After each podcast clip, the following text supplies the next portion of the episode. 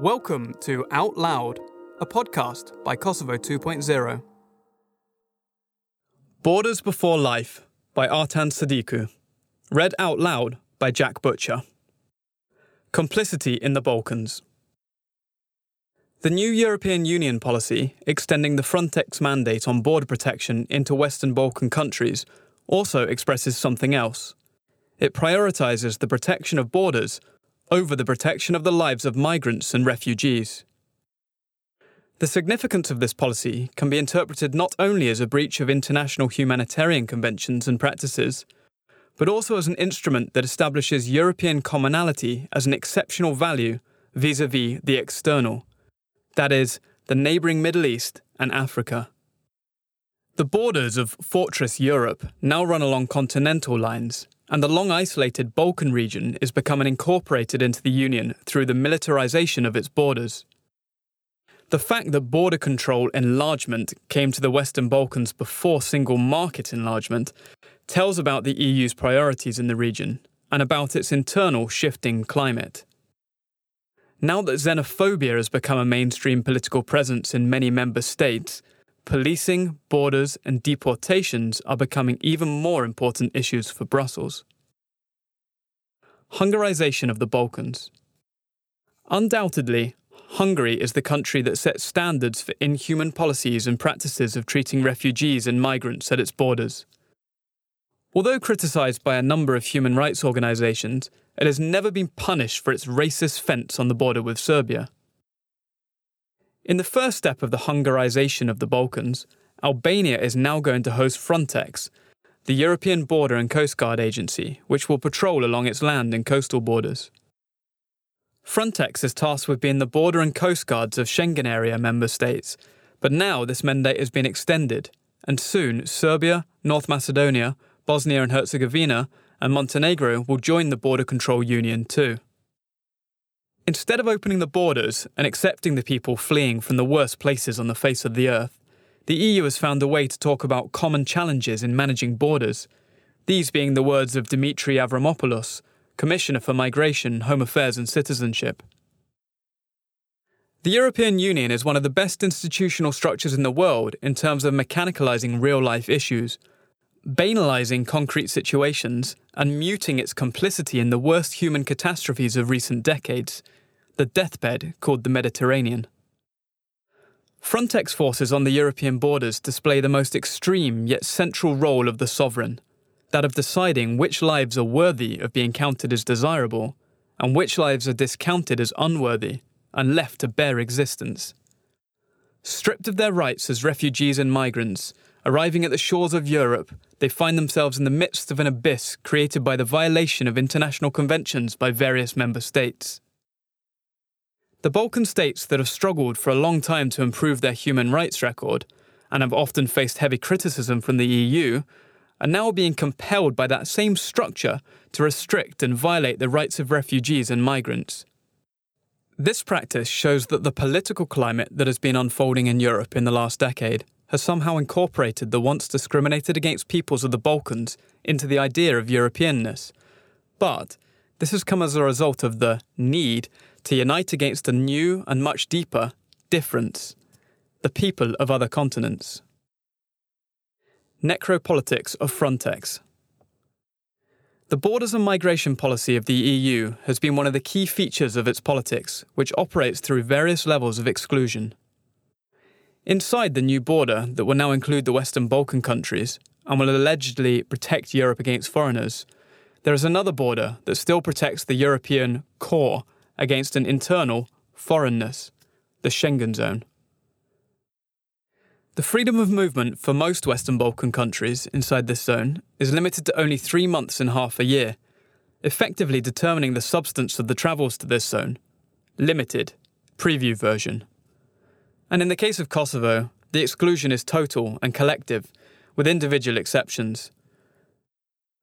Only those who are checked in person can be allowed to travel individually for the duration that the visa prescribes. While the Schengen rules perform individual control, three months limit or visa limit, thus still recognising some sort of political capacity and rights for those individuals, the external control by Frontex at the Western Balkans borders performs control on bodies. The aim is to restrict as much as possible the number of foreign bodies entering the continent. While the Schengen politics is a politics of discipline, the politics of Frontex in the Western Balkans is proper necropolitics. It is a policy that declares the life within the common European zone as one that is worthy, and the one outside its border as bare life, one that is reduced to its biological, natural status. The moving of Frontex troops to Albania, and then to other Western Balkan countries, has to do precisely with this display of necropolitics. Up until now, the Western Balkans region has been an indeterminate zone, where refugees and migrants were entering and wandering through the territory of European soil, thus entering the space where life is worthy, but as bodies that were not recognised in their political existence. The mixture of these two elements created this zone of indeterminacy that the EU could not tolerate anymore. When Commissioner Avramopoulos speaks of commonality, he addresses exactly the common space determined for the worthy life. Beyond this space, human beings are left to the fate of natural conditions, to the deadly waters of the Mediterranean.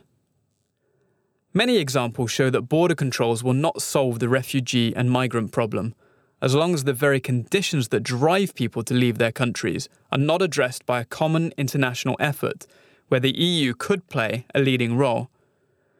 But instead of addressing these, the EU has worked with African countries such as Libya and Niger to provide them financial support, and in return demand a stricter limitation of the movement of refugees and migrants through these countries. As a result, we've seen torture camps in Libya and a set of new inhumane laws adopted in Niger against the movement of refugees and migrants. What happens in these countries is of no concern to the EU that is incentivizing a barbaric treatment of refugees and migrants. The torture takes place outside the zone of worthy life. It only cares that the number of bodies arriving on its shores decreases. And to date, it has achieved significant success. But the cost that is being paid in human lives is unbearable and continues to produce tragedies of an appalling scale. The European Union is directly complicit in these tragedies. A few days ago, a group of international lawyers sent a submission to the International Criminal Court demanding an investigation into the direct complicity of the EU in thousands of migrant and refugee deaths in the Mediterranean. The countries of the Western Balkans do not have to participate in exacerbating this tragedy, but due to their complicated position with the EU, they are being slowly dragged into the militaristic complex without yet participating in the economic one. Most of the regional political groups would believe that having Frontex on their soil and around their borders means a step closer to the EU. But the question now is what kind of union are we getting closer to? Rather than Frontex, maybe the better example is the Greek population of the islands, who for many years now have provided help and aid for hundreds of thousands of refugees and migrants. We've also seen similar examples of solidarity in our own countries.